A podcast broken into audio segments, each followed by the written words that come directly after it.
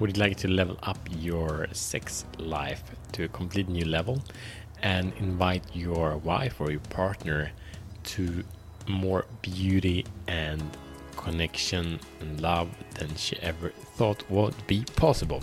So this is about passion, as you understand, and welcome to Show the Fuck Up Minute. My name is Matt Fyron, and this show is for men that are committed to stop playing small and unleash their personal greatness. With daily challenges, we grow together in the four areas of a meaningful life, being purpose, passion, power, and profit. There are so many things to speak to about this. This is triggered by a challenge that I took on this show that was handed to me by Nick Warner, who's a sexual and tantric teacher, and, and the challenge he gave me and the realization and the result that challenge has given. And this is amazing. So if you didn't check out Nick's show, I would really recommend it. Check it out. It will be in the show notes as well. So um, men, we want to take ownership, we want to create results in life, right? But very few men actually own their sexual energy. And what tends to happen then, there's a lot of frustration, been like that in my life, and there's a lot of frustration in the area of sexuality. That there is a lot of projection that someone should take care of it. If you look at the you know, rapes, or if you look at pornography, if you look at at uh, prostitution, these are all results of men not being able to control their sexual energy and needing some external things to handle it better. They can't control it. And again, we've been talking about that before. If you look at into the the Think and Grow Rich, the book with the most successful people, they speak about that that is a superpower, the ability to channel your sexual energy, because it's the life force. If you can channel that into productivity, into focus, into your mission, amazing things is going to happen.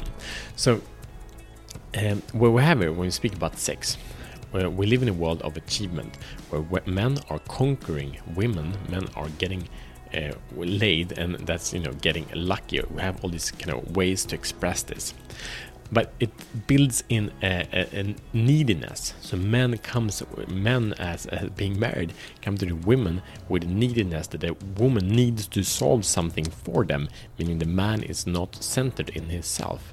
He's a, like a little child. And we have our needs, but it's very different than owning our needs and, and claiming you know the, the caretaking of that and being need like help me i don't know what to do so like that.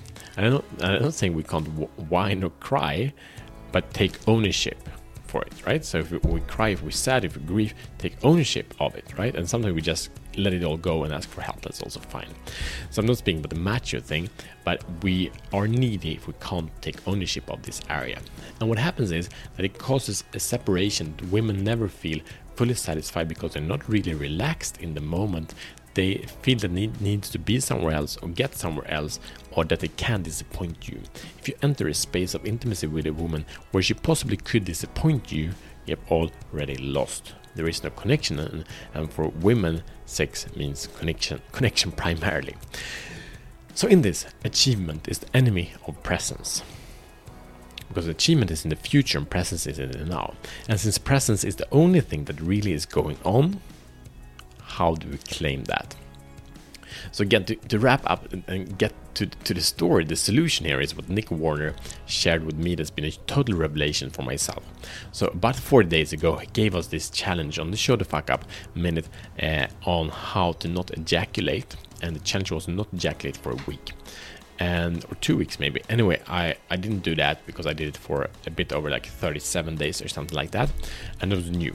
And what happened was that the the relationship and the communication between me and my wife started uh, shifting a lot. And I've been working with this claiming ownership and doing these things for, for a very long time. And I, uh, like I rarely, rarely project my energy even before this. But it was a shift, and I was very clear with my wife: I'm not gonna ejaculate. And what, what was beautiful that she came into a completely new space that was just much more relaxing. So what this actually means uh, is that some shift has happened, made more connection, more beauty, uh, and more desire. It's awakened more desire actually in her also. That's a, that's a good bonus, right? So, uh, but no ejaculation thing, you know, Nick already gave you that challenge. I will not give you that challenge today. However, there is the outcome based, the achievement, the goal oriented sex is an issue. So, what can we do here? So, we all, you know, it's good to have orgasm for men and women, but here is the challenge to not have an orgasm. No goal. So that will um, enable you to just be focused. And if you're getting close, you just relax, just take a break. It's okay. Because you don't need to get anywhere. And what happens, you, we see, it might take you know some weeks, might take some some different trials, but it's just being able to stop and it's actually okay. The ability, like if you get rejected in the sex before the sex, that's okay because you didn't have to go anywhere. If you re- get rejected, if you have sex for while, it's like nah, okay, not fun. That's okay. Whatever happens, it doesn't matter because it's an experience in the now, and that's all that matters.